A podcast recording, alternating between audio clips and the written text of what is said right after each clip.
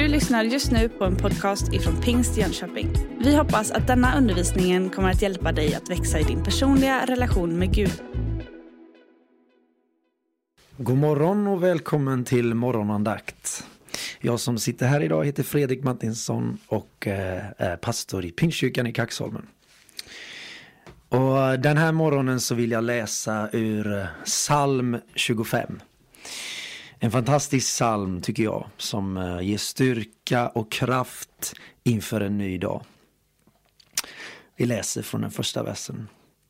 Av David, en psalm. Till dig Herre lyfter jag min själ. Min Gud, på dig förtröstar jag.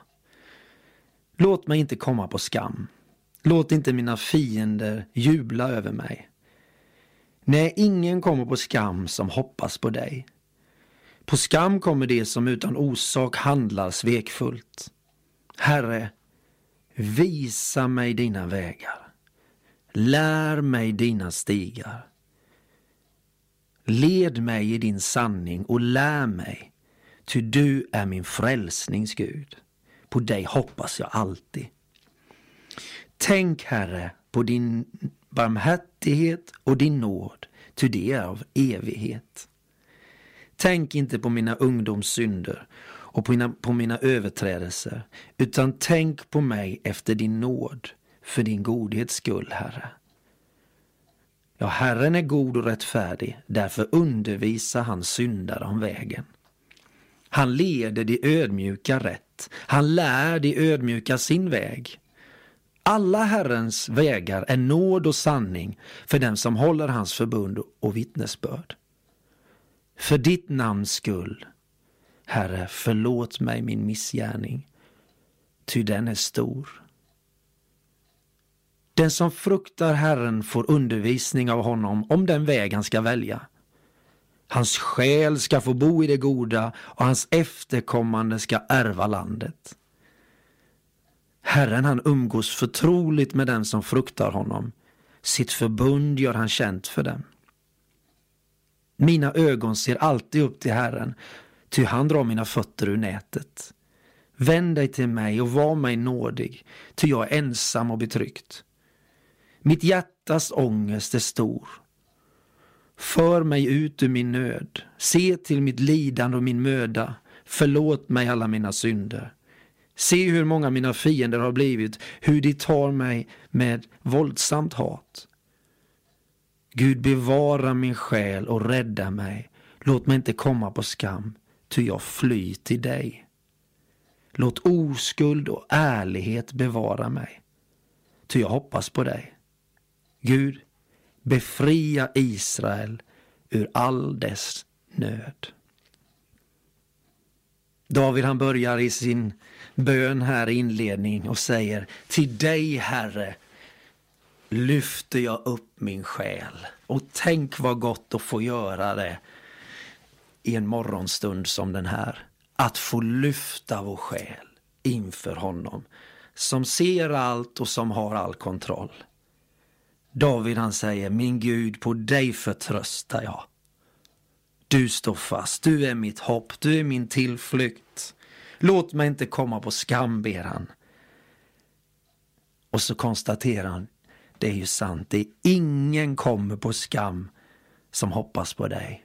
Det vacklar inte, ingen blir besviken som hoppas på dig, för du är trofast, du är sann, du finns där. Om så allt håller på att rasa, om så allt skakar, så är du ett fäste, en borg.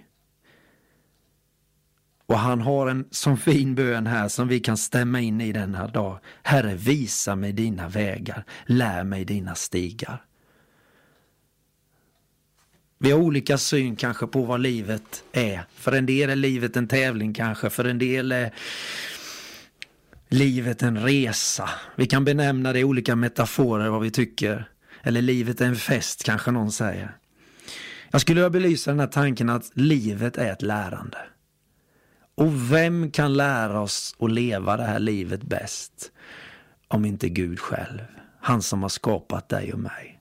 Han som har liksom tänkt ut och har en plan för varje människa. Och att få komma till honom i morgonstunden och säga Herre, lär mig dina vägar. Lär mig att gå dina stigar. Led mig i din sanning. Du är min frälsningsgud, på dig hoppas jag alltid, säger David. Och han säger vidare, tänk på mig efter din barmhärtighet och ut efter din nåd. Tänk inte på mina ungdomssynder eller alla mina överträdelser. Nej, det ber vi, Herre, ha förbarmande. Kanske du känner, oj, nej, vi har gjort misstag. Vi har svikit Gud och människor, vi har syndat. Det har vi alla gjort. Men det fina är att Gud varje dag möter oss med nåd. Han tänker inte på oss ut efter våra felsteg och misstag och synder. Nej, han tänker på dig. Han ser på dig utifrån sin barmhärtighet och nåd som kommer till dig denna morgon. Han möter dig med sin godhet och med sin kärlek. Han är god och rättfärdig och så läser vi i vers 8 Därför undervisar han oss syndare om sin väg. Han leder de ödmjuka rätt, läser vi i vers 7. Och det är det vi får göra och lära oss. Ödmjukhetens väg. Vi har precis firat påsk. Och det Jesus gör från Getsemane, långfredagen och så vidare till segern på påskdagen, det är att han vandrar ödmjukhetens väg.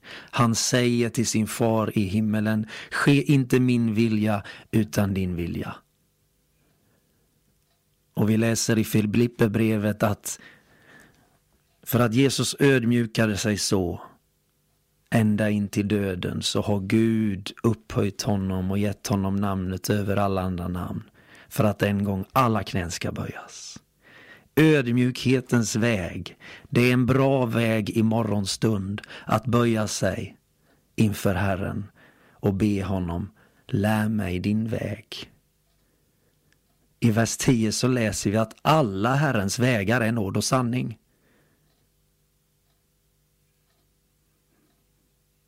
Och vidare i den här salmen så läser vi om löftena.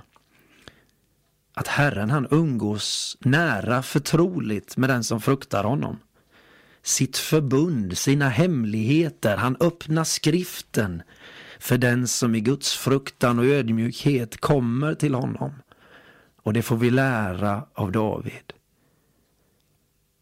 Ja, det finns så mycket gott i den här salmen så jag tycker du ska fortsätta en stund och stanna kvar i den den här dagen.